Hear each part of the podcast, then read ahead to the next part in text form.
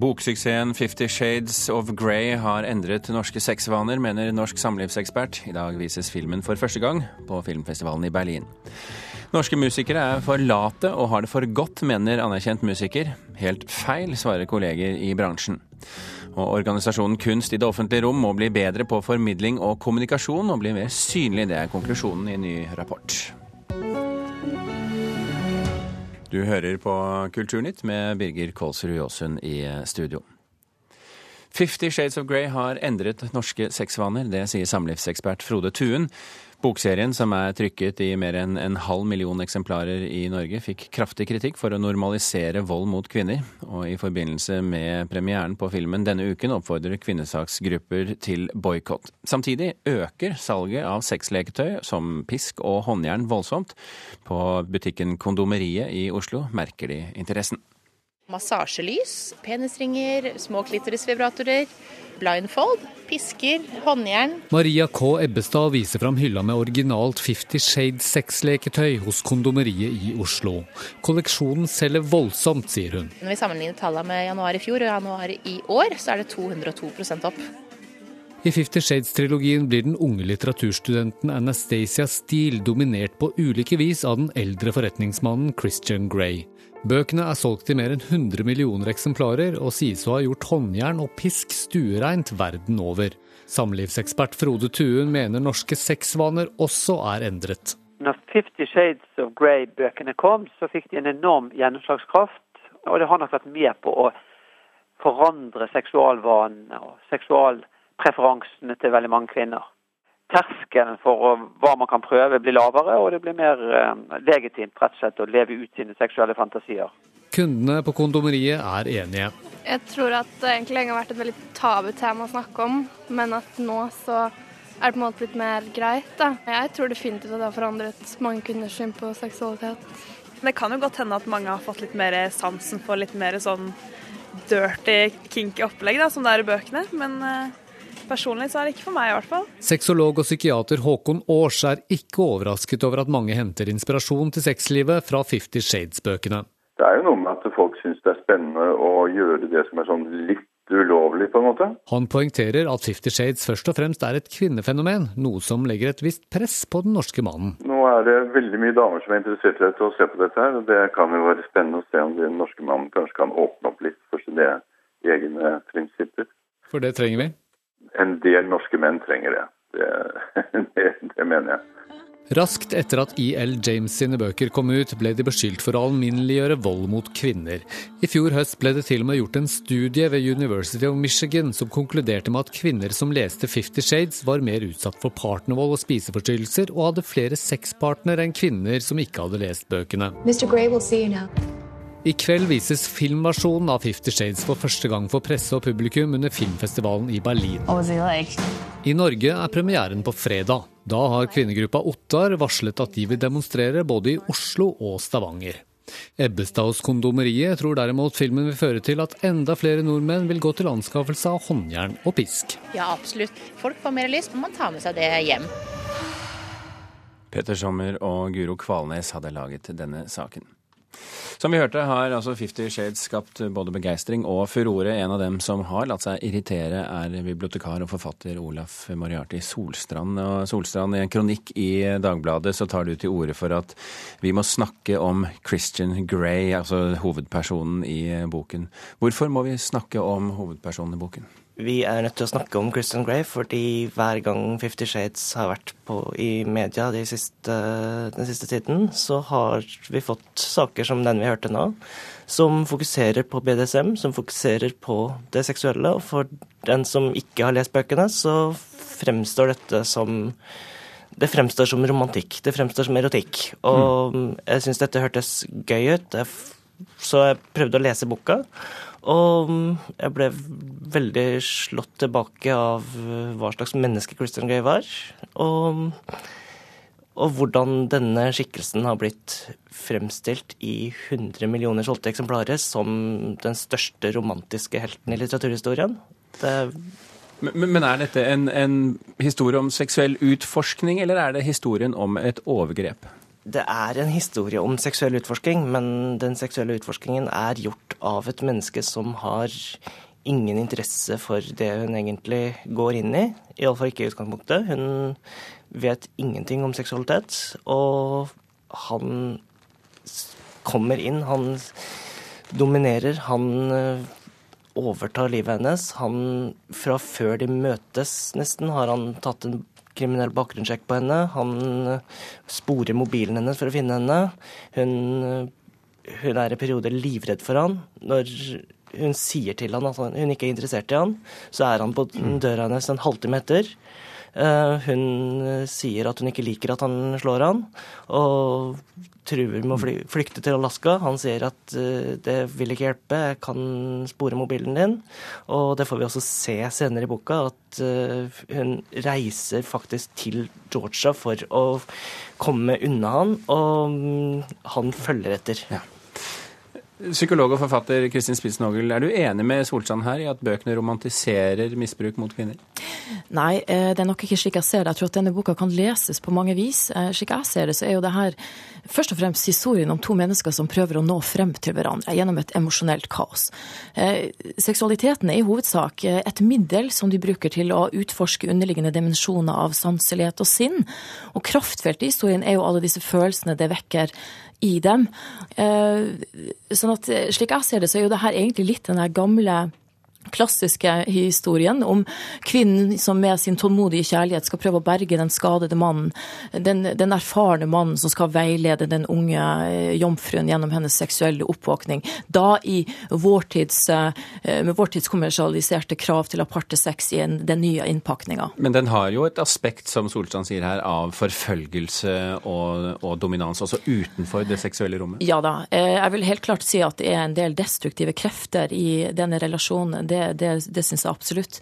Men så er det også noe med at de er to voksne mennesker, og jeg mener at det er absolutt en gjensidighet her. Det er en ganske klar avtale om såkalte myke og harde grenser. Og hun er på alle mulige måter med inn i, i dette, og hun er samtykkekompetent på alle mulige måter. Eh, er, eh, er, det, er, det, lett å forstå at boken tolkes forskjellig fra person til person? At, at man kan se så forskjellig på det som, som dere to gjør? Ja, det, det, skjønner jeg veldig godt. At vi leser den med litt forskjellige blikk og vektlegger forskjellige dimensjoner. Men jeg syns det er flott at vi får et kritisk søkelys på hvordan populærkulturen formidler normer og verdier i forhold til seksualitet. Så det vil jeg berømme Solstrand for. Du, du, er jo bibliotekar, Solstrand, og, og, jeg antar at bibliotekarer vil at folk skal lese. Men, men, er det slik at bøker som dette, med en, en viss grad av, av overgrepsromantisering, eh, er bøker som vi ikke bør lese? Jeg vet ikke om det finnes bøker vi ikke bør lese, men dette er en bok vi må snakke om. Vi er nødt til å se på boka. Vi, det, det, er blitt en så stor bok at når, når, den, når, den, blir så populær, så er vi nødt til å faktisk ta en debatt om den. Mm, hva håper du å få ut av debatten, eh, og kanskje nå særlig som filmen kommer og, og, og sender en ny bølge innover oss? Jeg, eh, jeg, jeg håper vi kan eh, snakke om boka. Få Både de lyse og mørke sidene ut av den? Ja. Hva, hva tror du, eh, er, er, er, vi flinke nok til å ta akkurat de viktige sidene av denne boken 'Spissnogel'? Ja, jeg tenker jo at det kommer frem flere nyanser i debatten nå. og Det viktige er jo her sant, at god sex er alltid sunn, sikker og samtykkende. Men det som er så vanskelig, sant, er å gå inn på soverommene til folk og regulere på en måte eh, disse grensene, hvordan man forholder seg. Og det skal virkelig sies at rundt omkring, også i de tusen norske hjem, i litt mindre ekstravagante omgivelser, så er det også mye dårlig sex på feil premisser. Og den diskusjonen bør vi kanskje først og fremst ta. Det er eh, rom for store debatter både på det ene og andre feltet i dette området her. Kristin Spitsnogel, du skal jo nå rett ned på pressevisning, for det er jo ingen som har sett denne filmen ennå her til lands. Og så skal du snakke om den i programmet Selskapet på NRK2 i morgen kveld. Eh, vi kan jo bare nevne for publikum at vi har jo lest flere amerikanske filmkritikere i dag morges eh, som har fått se filmen og gitt den en noe lunken mottagelse. Her i Kulturnytt får du anmeldelse av filmen i morgen tidlig. Kristin Spitz-Nogel og Ole Olaf Solsand, tusen hjertelig takk for at dere kom til Kulturnytt.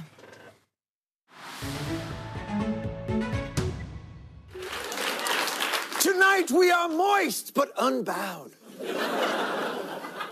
Surviving the only story that mattered, the one that happened in our region. Blizz apocalypse again in 15. The Weiter Damelung!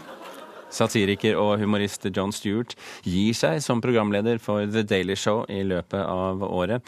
Dette er et show som sendes på Comedy Central i USA og store deler av verden for øvrig. Stewart har ledet The Daily Show siden 1999 og har vunnet 18 Emmy-priser for eh, programmet.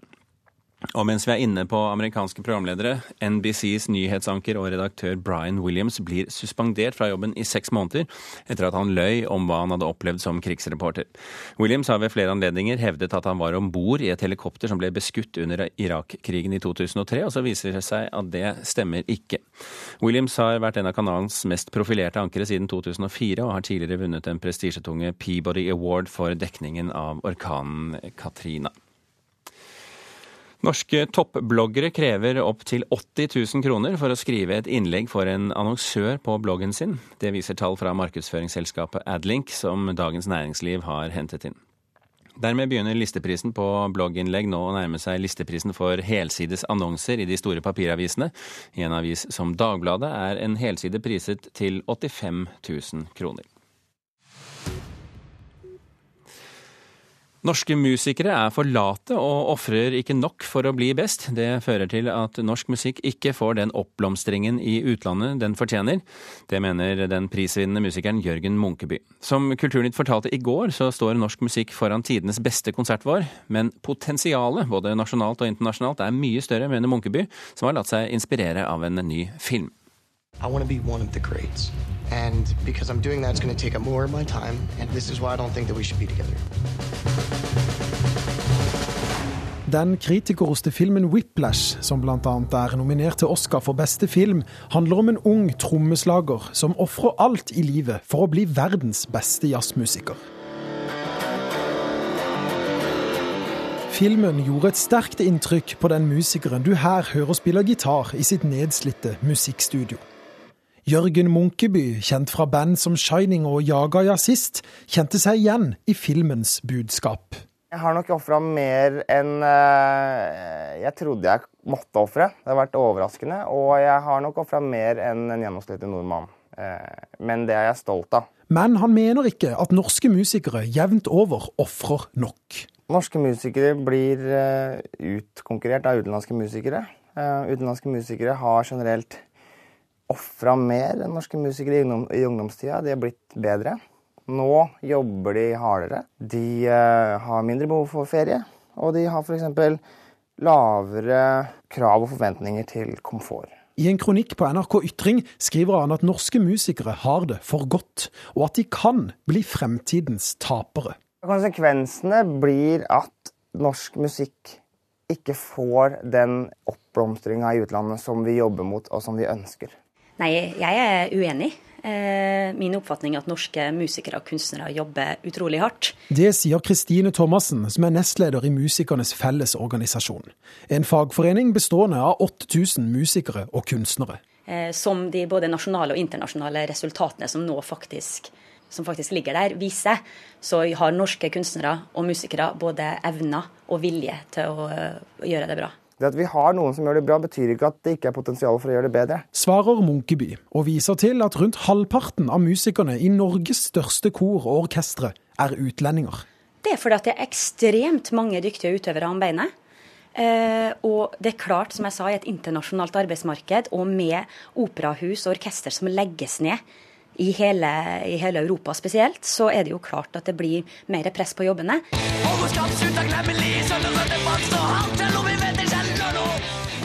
Edvard Valberg, vokalist i det prisvinnende rockebandet Honningbarna, er ikke enig i Munkebys beskrivelse av norske musikere.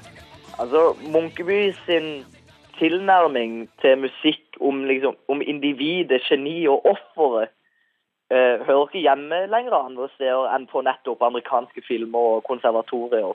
Mener du at norske musikere er for slappe? det, det, altså, det er jo jeg tror det er få like hardtarbeidende band som Honningbarna. Jeg kan jo bare uttale meg for meg sjøl. Ja, vil, vil, du vite mer om dette, så er det altså en kronikk på nrk.no ytring, skrevet av Jørgen eh, Munkeby, som vi hørte i denne saken. Og reporter her, det var eh, Christian Ingebretsen. Jurymedlemmet er skråsikker på norsk seier når fjorårets beste nordiske album skal kåres. I dag blir de nominerte til bransjeprisen Fonofil Nordic Music Prize annonsert. Blant de nominerte er både Todd Terje og Emilie Nicolas. Da husker jeg at vi løp bak scenen, og så hoppet vi oppå hverandre av glede, for det hadde gått, hadde gått bedre enn vi trodde. Da Emilie Nicolas spilte på Nordens største bransjefestival for popmusikk, Bylarm, i fjor, kunne hun og denne låten høste knallgod kritikk.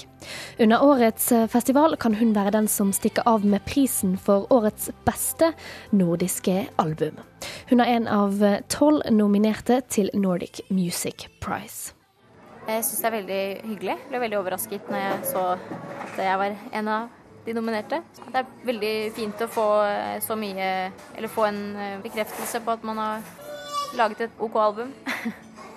Vi merker jo at Norden eh, og nordisk musikk er rett og slett litt sånn hot i internasjonal sammenheng. Katrine Synnes Finnskog er direktør i Music Norway, en av organisasjonene bak prisen, som forsøker å fremme en slags nordisk særegenhet. Så når vi jobber eh, nordisk, så blir jo vi sterkere og tydeligere ute på en internasjonal, veldig tøff arena. Det er en kombinasjon av en nordisk og en internasjonal jury som nominerer og bedømmer.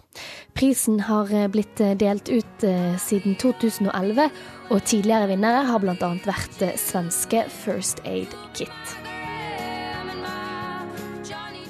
Den internasjonale juryen består av representanter fra plateselskaper og en musikkjournalist fra den britiske avisen The Guardian. Dette, sammen med en del internasjonal medieoppmerksomhet, gir artistene en god mulighet til å nå ut i verden. Og jeg tror den eh, både kombinasjonen av fagfolk og musikkfolk og det internasjonale perspektivet som den eh, internasjonale juryen gir prisen, gjør dette til en viktig nordisk musikkpris. Blant de andre nominerte finner vi svenske Lykke Li og norske Todd Terje. Musikkjournalist Audun Winger var med i juryen som plukket ut disse. Han er nå skråsikker på at prisen for første gang skal gå til en nordmann. Og det blir ikke fjorårets Bylarm-suksess Emilie Nicolas. Det er jo selvfølgelig Todd Terje som vinner. Han, jo, eh, han lager jo av den aller beste musikken i verden, eh, i, eh, i popverden. Så jeg ville ha satt penger på den. Ja, Svaret får vi kanskje i løpet av dagen, eller vi får det i løpet av dagen. Reporter her, det var Marie Røsland. Klokken er snart 21 minutter over åtte. Du hører på Kulturnytt, og dette er toppsaken i Dagsnytt nå. Norske høyreekstreme trapper opp kontakten med nazister i utlandet, ifølge PST. Bare et fåtall av studentene får tilbud om studentbolig. Mange betaler svært dyrt for å leie privat. Og terrorangrep avverget i Australia. Våpen og IS-flagg funnet da to menn ble arrestert. Organisasjonen Kunst i det offentlige rom, KORO, må bli bedre på formidling og kommunikasjon, og bli mer synlig. Det er eh, konklusjonene i en statlig rapport om KORO.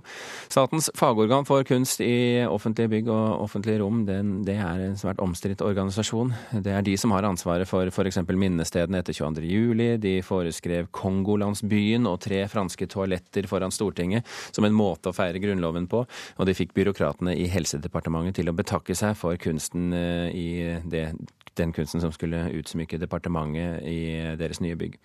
Direktør i Koro Svein Bjørkås sier de allerede er i gang med å gjøre forbedringer. Det vi har gjort foreløpig, er at vi har eh, satt i gang den eh, forvaltningsreformen på egen maskin. Vi har også et behov for å gjøre en tilsvarende opptrapping når det gjelder kommunikasjons- og formidlingsarbeid. Eh, det greier vi ikke på de ressursene vi har nå. Eh, så på litt sikt så må vi, hvis vi skal holde det nivået vi har eh, på produksjonen og gjøre disse oppgavene på en fornuftig måte, eh, så må vi opp i Så må ressursgrunnlaget økes. Dere trenger mer penger? Ja, hvis vi skal ha det høye nivået som vi har nå, så må vi ha mer penger. Alternativet er at vi må gjøre tingene på en annen måte og eventuelt produsere mindre. Eh, Svein eh, Bjørkås. Kulturkommentator i NRK, Agnes Moxnes. Eh, ta oss gjennom det. Hva er Koro egentlig?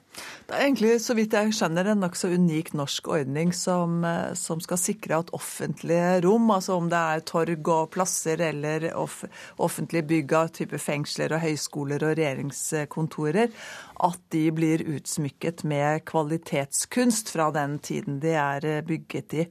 Og Utgangspunktet er en, en, det som heter en kongelig resolusjon fra, fra 90-tallet, som sier at ca. pluss-minus 1% av byggekostnadene skal holdes av til kunstnerisk utsmykking. Så Det betyr rett og slett at Koro virkelig er en sånn storprodusent av kunst. Jeg tror de har liksom ansvaret for ca. 7000 kunstverk, og det, de kunstverkene befinner seg virkelig Norge rundt. Vi var så vidt innom det her i en setning, men, men hva konkluderer rapporten med? Ja, først og fremst er altså Koro et veldig interessant eh, fagorgan. fordi at den jobben, de, den jobben, deres er jo ikke å plassere kunst bak museenes liksom, lukkede vegger, men å plassere den der hvor folk fer, flest eh, ferdes. Og Derfor så er det blitt utrolig mye debatter og diskusjoner om enkelte av de valgene Koro har uh, tatt. Og Koro er for mange blitt liksom bildet på selve den besværlige kunsten. F.eks. da de satte, eh, satte, i gang jobben med denne Kongo-landsbyen. Og det var ikke få som stilte seg spørsmålet typen er dette kunst skal skattebetalernes penger brukes her til å finansiere slike ting som dette her. Og sånne reaksjoner er politikerne egentlig ganske følsomme for. Så når denne rapporten ble levert på, kulturministerens eh, kontor i, i går, så pustet nok egentlig Koro ganske lettet ut. For i det store og hele så er denne rapporten svært positiv med tanke på Koros virksomhet. Men, men sett fra politikernes ståsted, kan kan, de, kan da altså Koro gjøre oppdraget sitt slik som de eh, har fått beskjed om, og samtidig opp, eh, vekke såpass mye misnøye i folket at politikerne trekker, trekker litt i det? Ja, Det er akkurat det som er den store utfordringen til Koro. På den ene siden så er de nødt til å lære seg, og det er det rapporten sier også, de er rett og slett nødt til å lære seg å se hva, på hvilken måte kunstverkene de setter ut, eh, virker. De må lære seg å kommunisere, og det er veldig mange eksempler på hva som har skjedd i den sammenheng. Bl.a. av Vanessa Bairds eh, malerier skulle henges opp i henholdsvis Landbruksdepartementet og Helse- og omsorgsdepartementet ble en voldsomt debatt. Dårlig kommunikasjon eh, på alle nivåer. Sånn at der må Koro bli bedre. Samtidig så er Koro i dag de skaper antageligvis de mest interessante kunstdebattene vi har i, i Norge. Og det er de nødt til å, å fortsette å gjøre. Så de må ta sjanser også. Men det virker av og til som de er litt eh, hva skal vi si, eh, elefant i, glassbutikken, sånn som f.eks. når det gjelder minne, minnestedet oppe på Sørbråten. Er det det som ligger i at de må bli bedre på kommunikasjon? Det er slik at eh, Jeg tror man kan si om Koro at de er elsket eh, og hatet. Eh, og Det kommer altså på hvem man spør, stiller spørsmålene om hva de mener om Koro. Lars Roar Langslet, tidligere kulturminister, han mente jo at de var elitistiske maktutøvere. Og det har han ikke vært alene om å mene. Agnes Moxnes, takk for at du kom i studio. Vi skal kaste oss eh, mot i retning Berlin. 'Everything Will Be Fine' er filmen som hadde premiere under filmfestivalen i går kveld. Det er en av Europas fremste regissører, Wim Wenders, som har fått eh, hjelp av Bjørn Olaf Johannessen med manuset. Og mottagelsen i går var god, ifølge Johannessen selv. Det var jo en, en, eh, en sær opplevelse for så vidt, altså. For en som ikke er vant til det. med limousiner og røde løper og blinkende blitzer og fotografer. Et lite, lite skuespill, men eh, det var jo fantastisk og rart og spennende. Hvordan var eh, mottakelsen etter filmen i går? Folk i salen jublet og klappet og virket som de var godt fornøyd. Altså. Så Det er vanskelig å bedømme, for jeg vet ikke hvordan tyskere vanligvis eh, oppfører seg etter premierer. Men så vidt jeg kunne bedømme ut ifra det folk sa etter premieren, så var folk veldig veldig godt fornøyd. Så ja, så det ser bra ut. Og det var Lars Ivar Nordahl som hadde eh, snakket med Johannessen. Filmanmelder i NRK, Einar Gullvåg Staalesen. Vi sleit litt med å få tak i deg i dag, så vi har litt kortere tid enn eh, en eh, vi planla. Men kan du si noe om eh, hvor god film Johannessen har vært med på å skape her? Han har vært med på å skape en veldig god historie med en veldig fin dramaturgi, og det kunne vært en fantastisk film. Eh, og det er det nok også for de som aksepterer alle Bim Wenders ulike formvalg. Han bruker 3D. Det er første gang 3D brukes i en konvensjonell, eh, nærmest klassisk historiefortelling. Og det fungerer for så vidt greit, men jeg ser ikke helt at det gir store pluss. Wim Wenders mener selv at det gir mer følelse, og akkurat passe følelse. Men det, men det slo ikke gjennom hos deg?